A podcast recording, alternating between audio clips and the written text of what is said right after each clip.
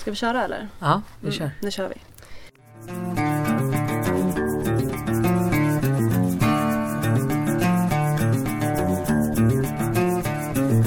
Hej och välkomna till Präster med gäster.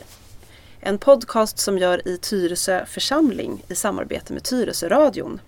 Vi som gör den här podden heter Rebecka Tudor. och jag heter Anna-Fia Trollbäck och vi är präster i Tyresö församling. Präster med gäster är en podcast där eh, du och jag Rebecka utforskar tillsammans med en gäst ämnen som kanske berör teologi, politik, livet, Mm. tro, vardag, religion. Ja, det som kommer upp i mötet med vår gäst helt enkelt. Och den här gästen, den är kanske inte alltid i livet och sällan fysiskt närvarande.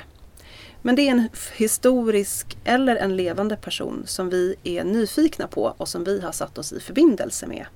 Och med det sagt så tycker jag att vi kör igång.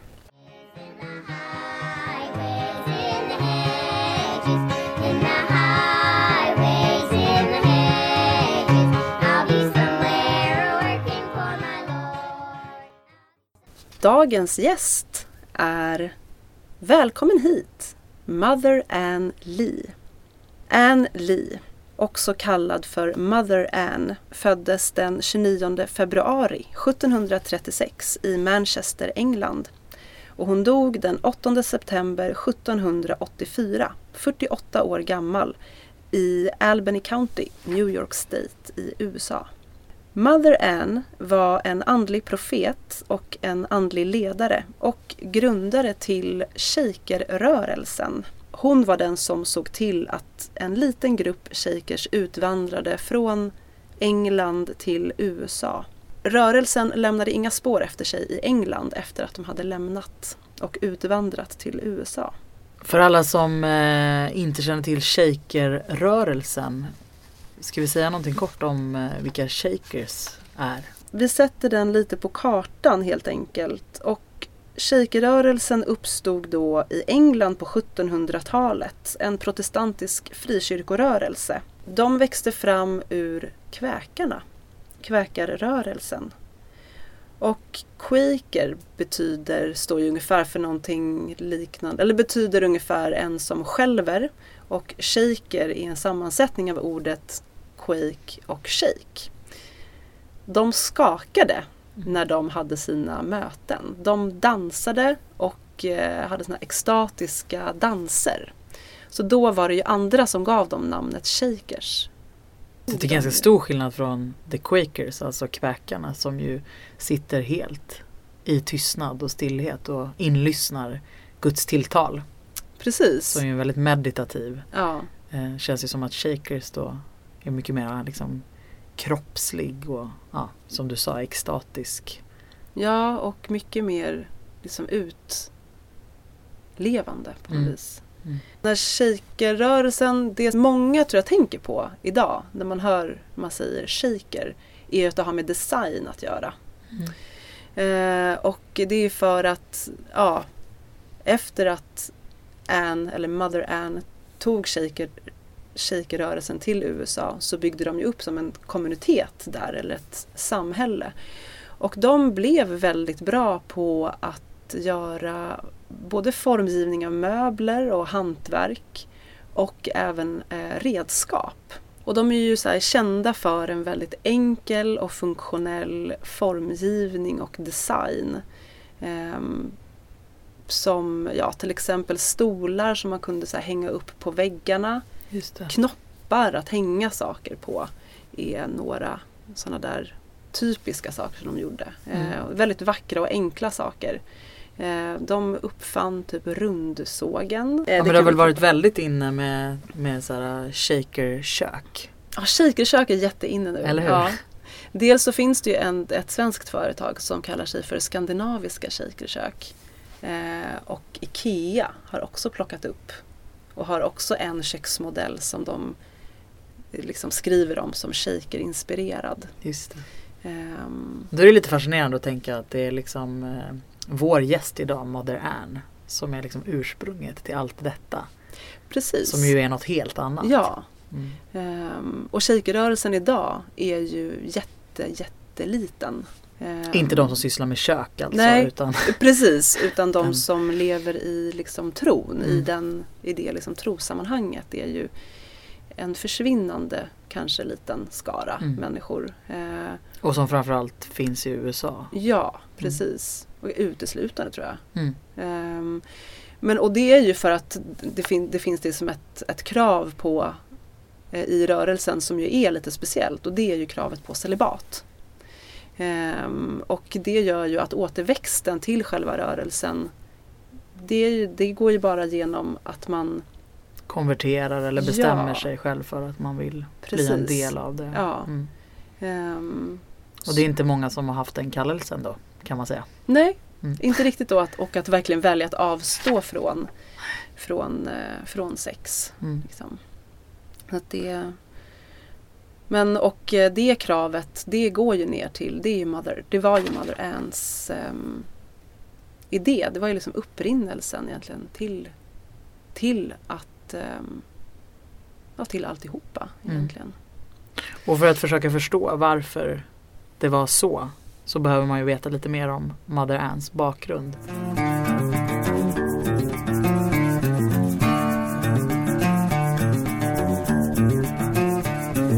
Du berätta om hennes mera om hennes bakgrund? I, för hon hade ju fyra barn. Varav Ja. alla barn dog. Ja, det är så gräsligt.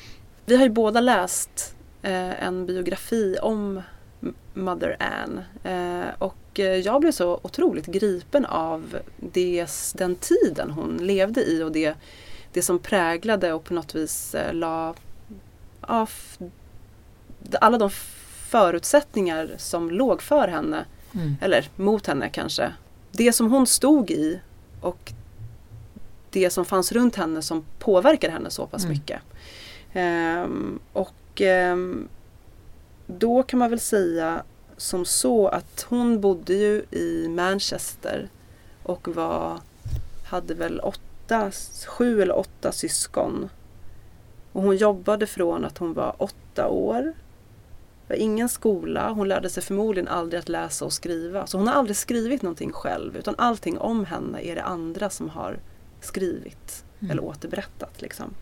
Och det sägs då att hon var så över väldigt känsligt barn. Liksom. Men i Manchester så, och det här var i det här 1700, ja nästan mitt på 1700-talet, någonstans en industrialisering som är liksom i vardande. Det var väldigt smutsigt, väldigt många barn föddes. Vart femte barn dog vid den här tiden. Mm.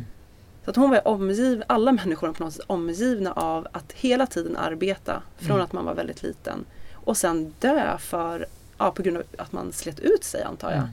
Mm. Ehm, och i det här då så växer Anne upp och... ehm, Men det som- beskrivs ju verkligen som en misär ja, i den här biografin som vi har läst. Alltså misär och otroligt mycket missbruk, alltså alkoholmissbruk. Mm.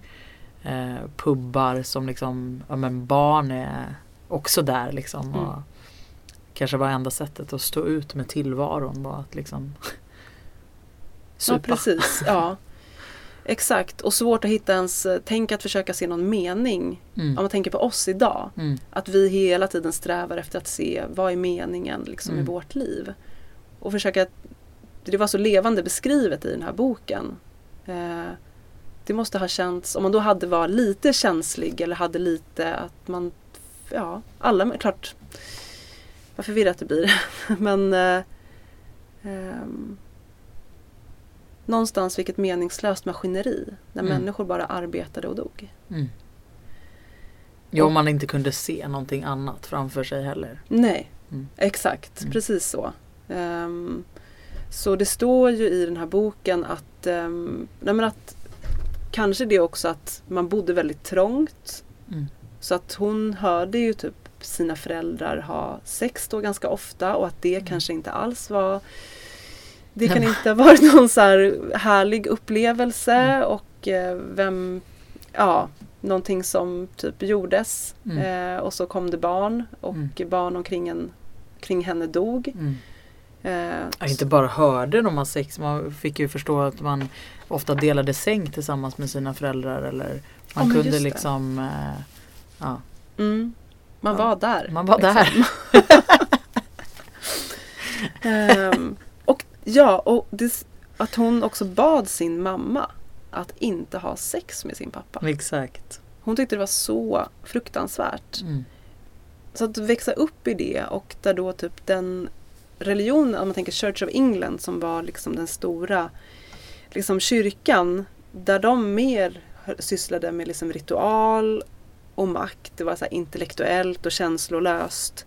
Det tilltalade inte Anne som ändå växte upp och är en sökande person som försöker hitta ett sammanhang.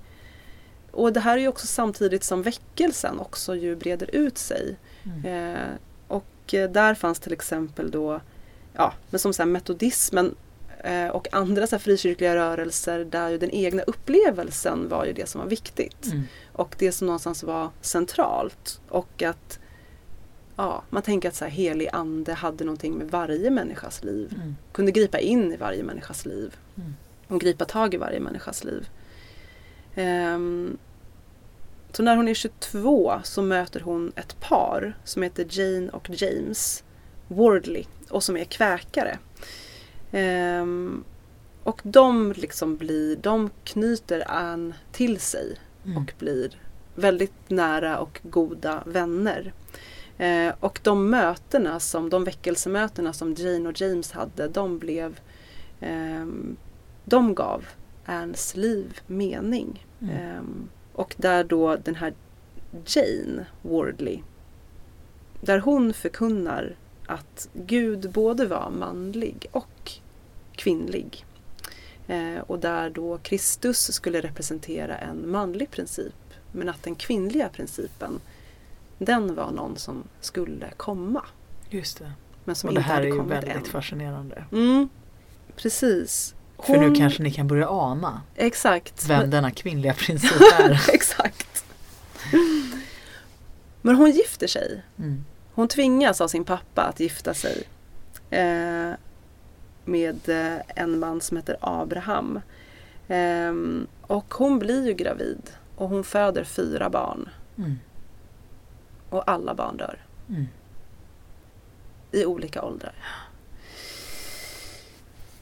Ja, det, nej men det är verkligen Ja. fruktansvärt. Det, det är så Jag tänker att vad det gör med en människa. Mm. Alltså jag kan nästan må illa av tanken på att förlora att man skulle förlora ett barn. Mm. Och då när det står att, att, det, att hon förlorar fyra barn Mm. som man liksom har burit, Mm. som man har fött, som man har tagit hand om. Och alla dör. Mm. Och det blir ju ett sånt otroligt trauma såklart. Ehm, hon upplever sig ju som bestraffad Mm. av Gud. Ehm, och hon liksom bär en sån otrolig skuld. Och hon försöker verkligen att hitta en förklaring till att det här kunde hända. Och någonstans också det här med att hon inte ville gifta sig men hon tvingades till att göra det. Och att roten liksom till det här, alltså att ha sex, att det var ju roten till att de här barnen, att de fanns var ju på grund av att hon hade haft sex. Mm. Men det var ju också, och då dog de. Mm. Ehm, och att det hon hittar när hon liksom försöker hitta en förklaring till det här, också vad som ska kunna hjälpa henne vidare. Då är det liksom att avstå. Ehm, alltså, att förneka, alltså att förneka kroppen Mm. är på något vis det enda som eh, kan rena Mm. henne. Mm. Eh, och då bestämmer hon sig för att leva i celibat. Mm. Att det är den enda vägen. Liksom. Mm. Det är ganska intressant i relation till alltså just hur ändå shaker-rörelsen är så kroppslig i deras extatiska danser och man verkligen får känna kropp tänker jag. Eh, och i hur de Alltså i celibattanken, alltså Mm. bara kopplingen här liksom hur man Ja, och våra föreställningar tänker jag Mm. om vad celibat är. Mm. För när jag tänker på celibat, då tänker jag eh, min förutfattade mening är att det är ett tråkigt liv. Just det. Det är ett liv i avsaknad av allting som är roligt. Mm. Då har man liksom klivit över bort från allting som har med njutning att göra Mm. till någonting som grått. Mm.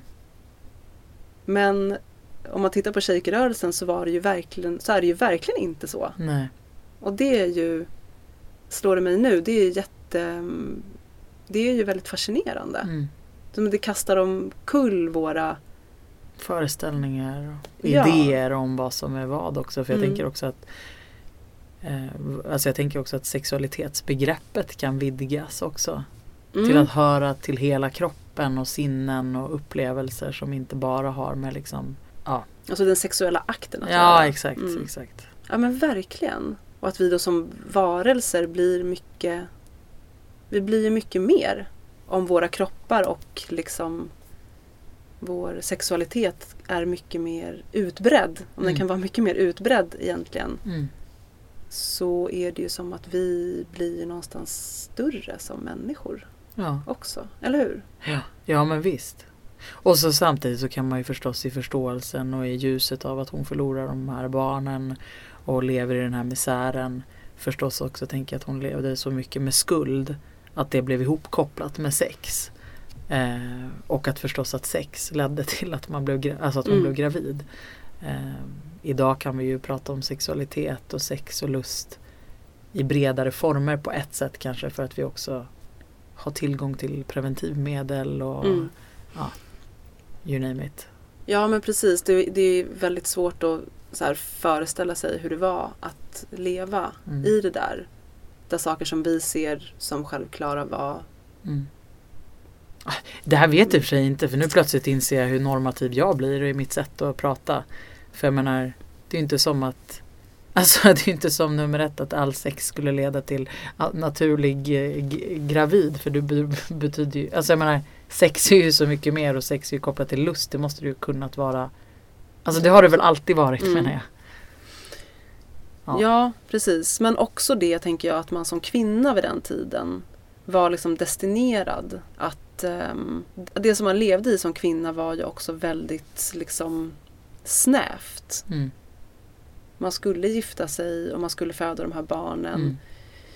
Också i en tid när, jag tänker också bara det att föda barn då, när ehm, man tänker som, det var ungefär vid en tid också när läkarna gjorde sitt när liksom sjukvården också utvecklades och det var Mm. läkare som tog över förlossningsbiten från Mm.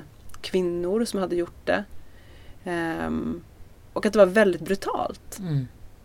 Mycket verktyg och de visste inte vad de höll på med Mm. många gånger alls. Så att det, det är också så här en, ja, det är en liten aspekt också av då att veta vad man ska gå igenom. Någonting som bara är fruktansvärt. Mm. Och kanske så här att ens barn, förmodligen kommer mina barn dö Mm. ändå. Mm. Kanske inte när de föds direkt Mm. men sen. För sjukdomar och Mm. att slitas ut liksom. Och det är verkligen groteskt. Mm. Ja. Men i det här är, ehm, är Anne. Och hon bestämmer sig för att leva i celibat. Det blir förklaringen och på något vis lösningen till att kunna gå vidare. Hon får ju med sig sin man Ja, på detta. För hon är ju gift. Eftersom hennes far har tvingat henne till detta. Men hon bryter ju inte äktenskapet. Utan hon får med sig sin man på tåget. mm. Att nu ska de fortsätta leva tillsammans fast i celibat. och han går ju med på det. Ja. Mm. Tills han en dag lite senare i livet lämnar henne. Mm. Men, När han har tröttnat ja, på att leva i celibat själv.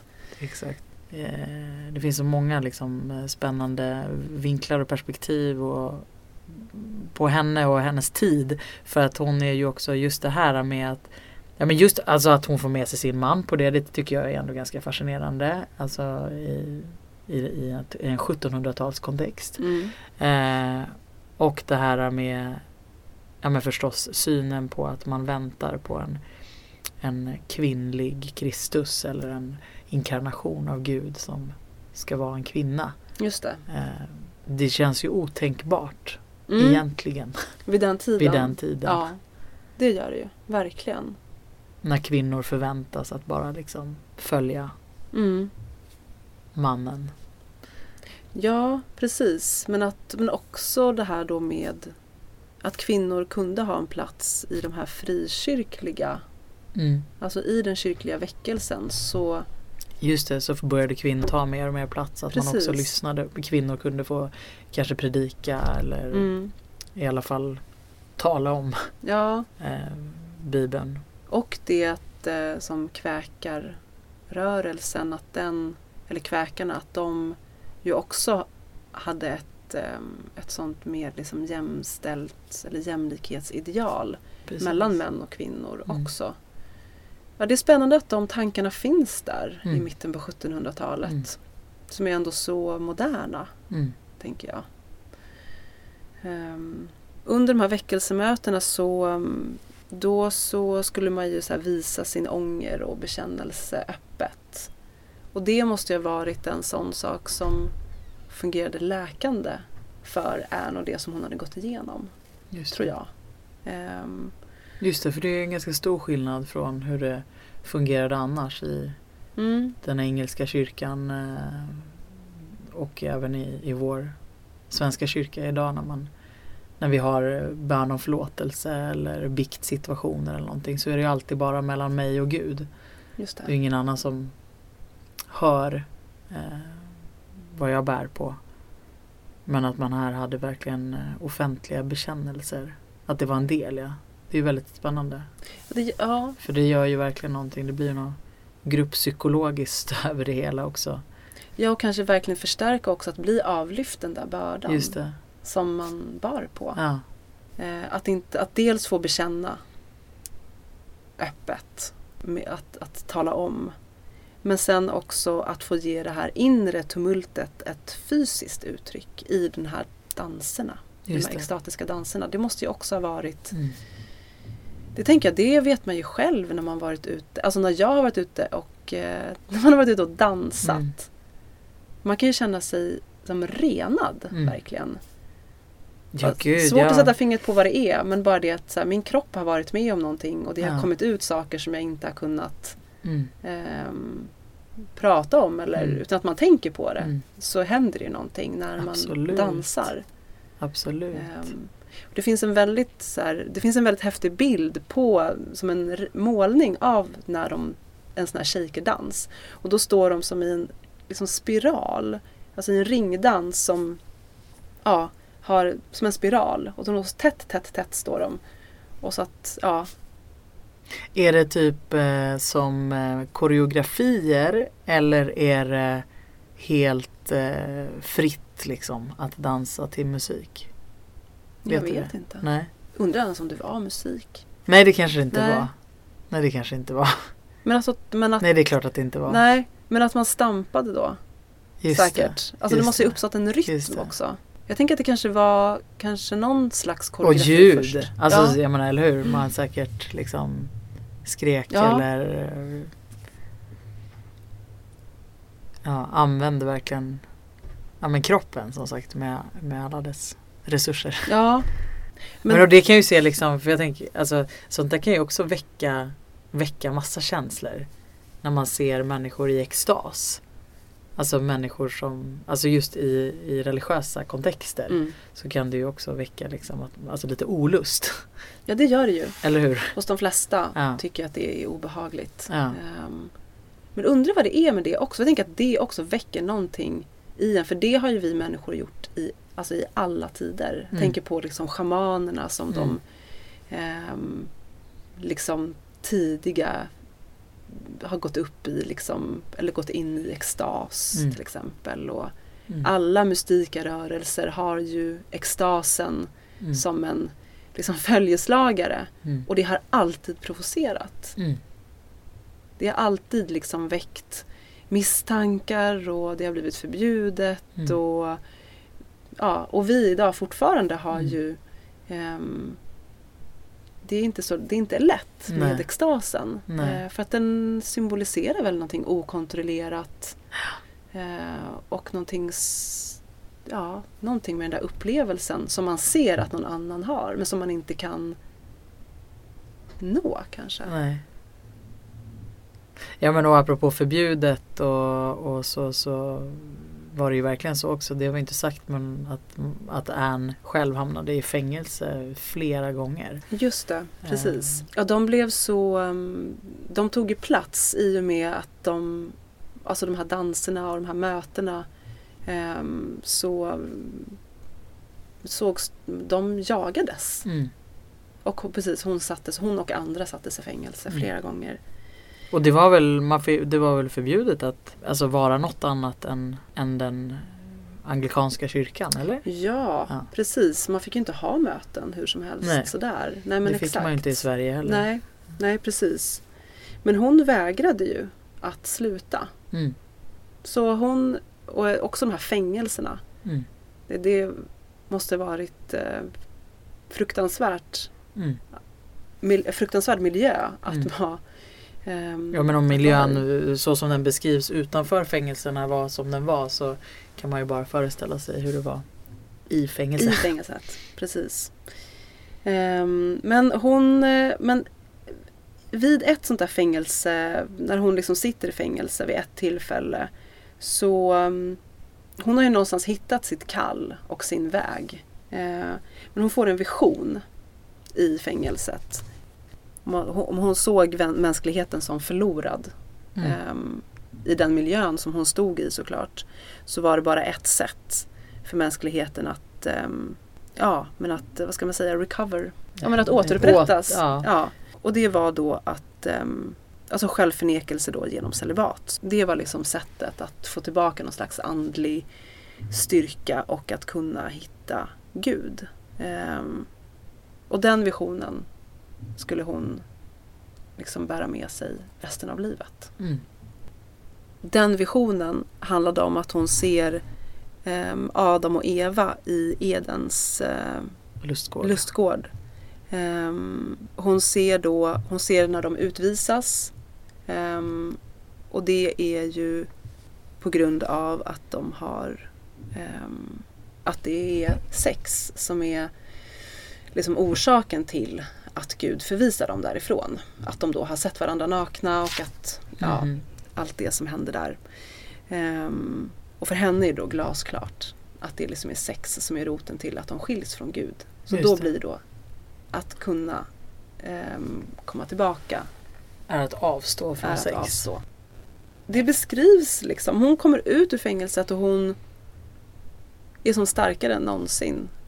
Besitter någon slags glans och särskilt ljus. Och den här rörelsen växer och människor vänder sig till henne. För hon Ehm, kommer med något typ av hopp liksom. Ja, I den här misären. Mm. hon säger att det finns ett sätt. Mm. Men det går att liksom bli räddad. Mm. Och människorna måste ha längtat så mycket efter att någon Mm. skulle se dem Mm. och säga att det fanns någonting gott. Fanns någonting Mm. att, att tro på och att så här, leva för Mm. på något sätt. Och en väldigt konkret lösning. Mm. Om man inte har sex så slipper man allt det här onda. Ehm, ehm, Alltså egentligen känns den ju också, den känns ju väldigt som att den vänder sig väldigt mycket till kvinnor. För jag tänker på männen liksom. ja, Som ju kanske inte naturligt tog allt ansvar för barnen och hemmet utan det var ju kvinnorna. jag som inte heller var utsatta på samma Nej, sätt. det var inte de, det är inte deras kroppar liksom Nej. som ehm, Och som, som utsätts och som är med om mm, allting. mm, Ehm, och sen då, det är väl klart att två föräldrar är med om förlusten av, av barn men ja, att gå igenom allt det där Mm. hela tiden Mm. och att vara konstant gravid för någonstans det är också ett tillstånd som kvinnorna var i. Precis. Ehm, och sen då, ja, så det har du verkligen rätt i. Någonting. Men jag vet inte om jag har läst det. Alltså att det Nej. var liksom framförallt kvinnor som drogs till rörelsen eller? Nej, jag har inte heller uppfattat det. Nej. Men det är en intressant, ehm, vi kan ju tolka det så nu. Mm. Det här är nog klippvarning på. Men, Ja, säg ja, nej men alltså då, då skulle man verkligen kunna tänka att det det handlar om för att eh, komma tillbaka till Gud inte handlar om, om eh, att förlora njutning utan bara sluta ha sex med män. Just det. Så kommer vi i kontakt med Gud igen. Exakt.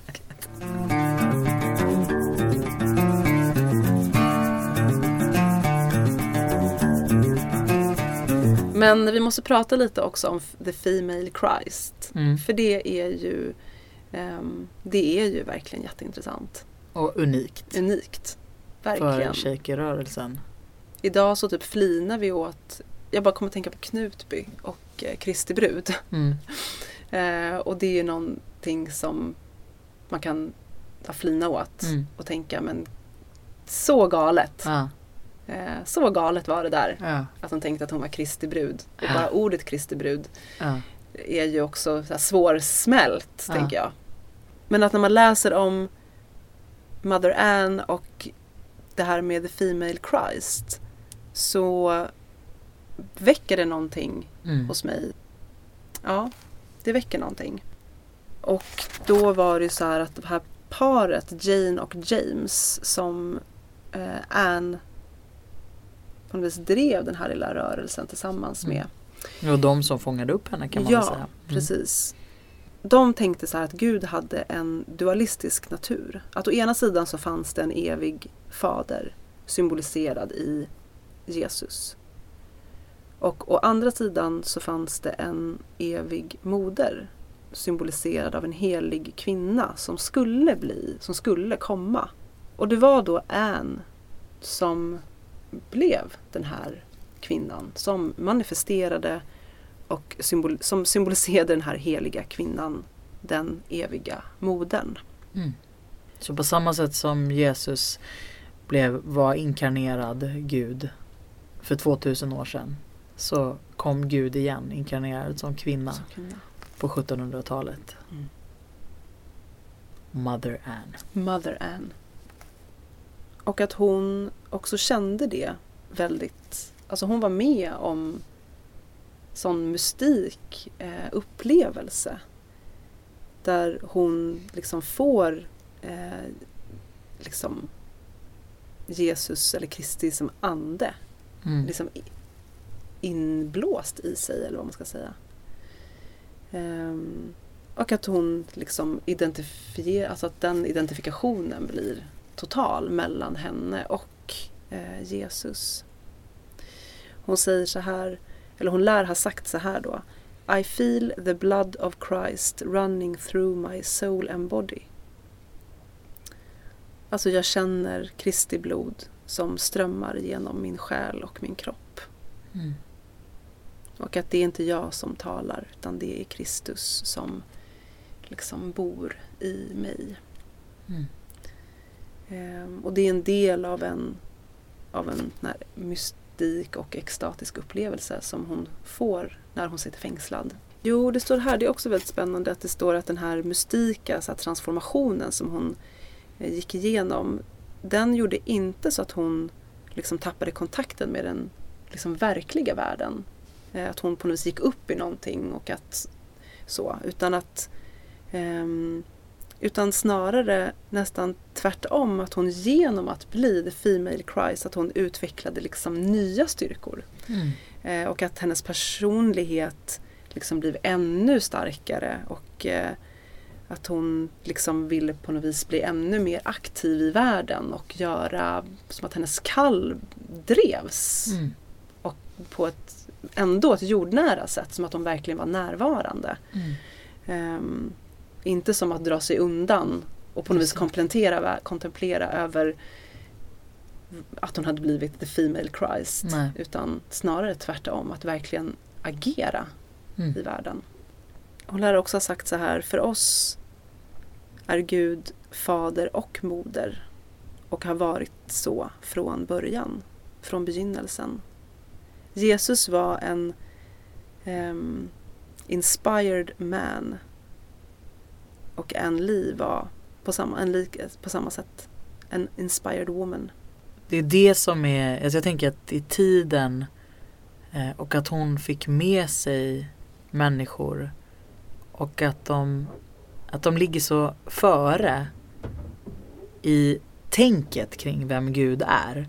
För sen om det huruvida det verkligen är så att Mother Anne eh, var inkarnerad Gud på samma sätt som vi tror att Jesus Mm. är. Eh, det, det, är inte lik, det tycker inte jag är lika intressant. Jag tycker liksom att det intressanta är deras sätt att berätta om Gud och vem Gud är. Eh, och att deras syn på kön eh, känns så före i tiden. Mm. Och att vi behöver de bilderna för vem Gud är. Vi behöver och behöver liksom Ja, vi måste få ha kvinnliga gestalter också för att Mm. föreställa oss vem, vem Gud är. Ja, och det är väl lite när vi har pratat om varför vi har bjudit in Ann Lee, eller Mother Ann hit.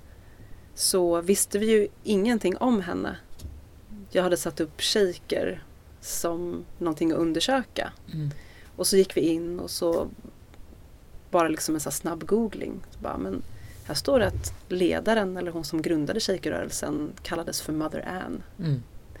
Det verkar spännande. Mm. Eh, och så öppnar sig den här Mm. ehm, öppnar sig det här. Mm. Jag upplevde det nästan som när jag läste boken att lite som att man har hittat eh, så här, en gammal oljelampa som Mm. man liksom gnider på och plötsligt så strömmar liksom Mother Anns ande ut. Ja.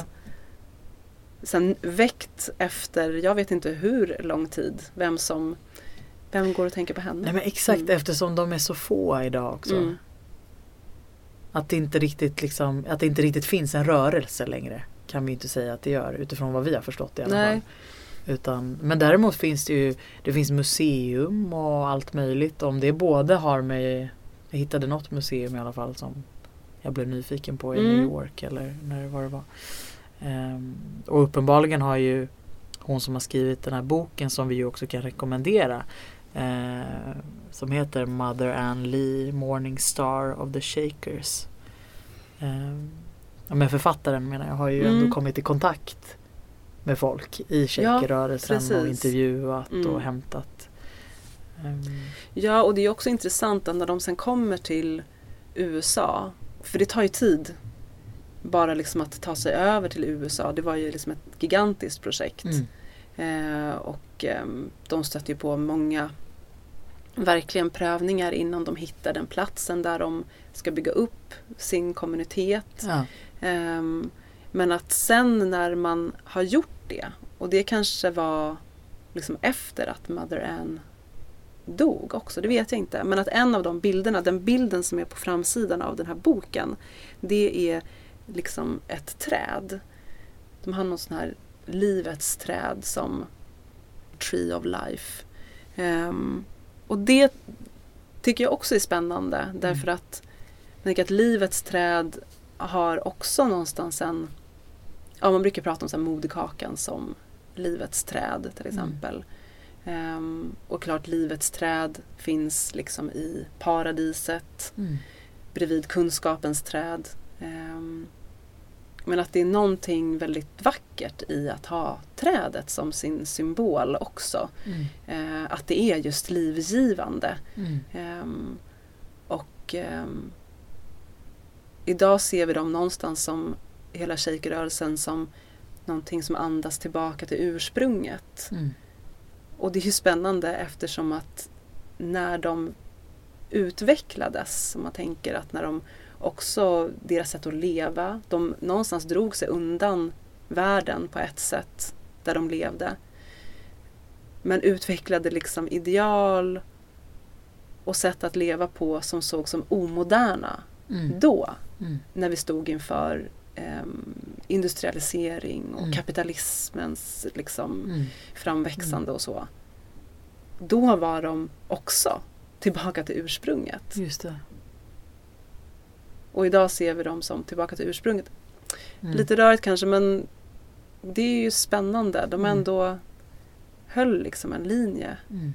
ehm, som fortfarande håller. Verkligen. Ja men jag tänker eh, kanske som en, eh, ett avslutande citat men det här eh, från Mother Ann. Put your hands to work. And your heart to God. Det är så bra. Mm. Låt din tro ha med ditt liv att göra också. Mm. Liksom. Låt tron genomsyra dina handlingar. Liksom. Ja, och jag tror också mm, ja, men det här med så här kvinnliga gestalter och så och deras liksom väg till tro. Att det som Mother Ann är med om, alla de händelserna och allt det som hon går igenom är så sammantvinnat med hennes trosutveckling. Ehm, och de liksom, den liksom psykolo- liksom, vad ska man säga, religionspsykologiska Mm. dimensionen av när man tittar på hennes liv Mm. är också så fascinerande Mm. därför att det verkligen har med varandra att göra. Ehm, och det ehm, Ja, det är någonting med det som jag tycker när man stöter på kvinnliga liksom, berättelser ehm, så är det just liksom att de erfarenheterna av livet är så sammantvinnade liksom, Mm. tron. De är aldrig liksom, åt, de är inte Nej. åtskilda. Eh, ingenting som jag tittar på liksom, intellektuellt Mm. utan det är någonting som finns i mig och som har med mig och min kropp att göra. Mm. Ja, men på då olika kommer man sätt. igen, igen, igen det där med liksom kroppen och det Mm. närvarande. Eh, jag tycker att hon känns väldigt på riktigt, Ann. Jag tror att det är därför, eller det var nog det som jag Mm. Verkligen liksom slogs av när jag läste om henne och hennes liv. Och vad det gjorde med hennes liv. Och vad som drev henne. Ja men hon känns på riktigt. Mm. Hade hon kanske växt upp i en annan miljö så hade hon förmodligen lärt sig läsa och skriva och gå Mm. i skolan. Men hon gjorde ju inte det. Men var ju ändå en sån tänkande och Mm. sökande person att hon ändå kunde söka. Just det. Hon var andligt sökande Mm. och hon kunde ändå göra det och hitta ett sammanhang. Det är ju också jätte... Sjukt Jag blev så här modig. drabbad av det. Mm. Mm.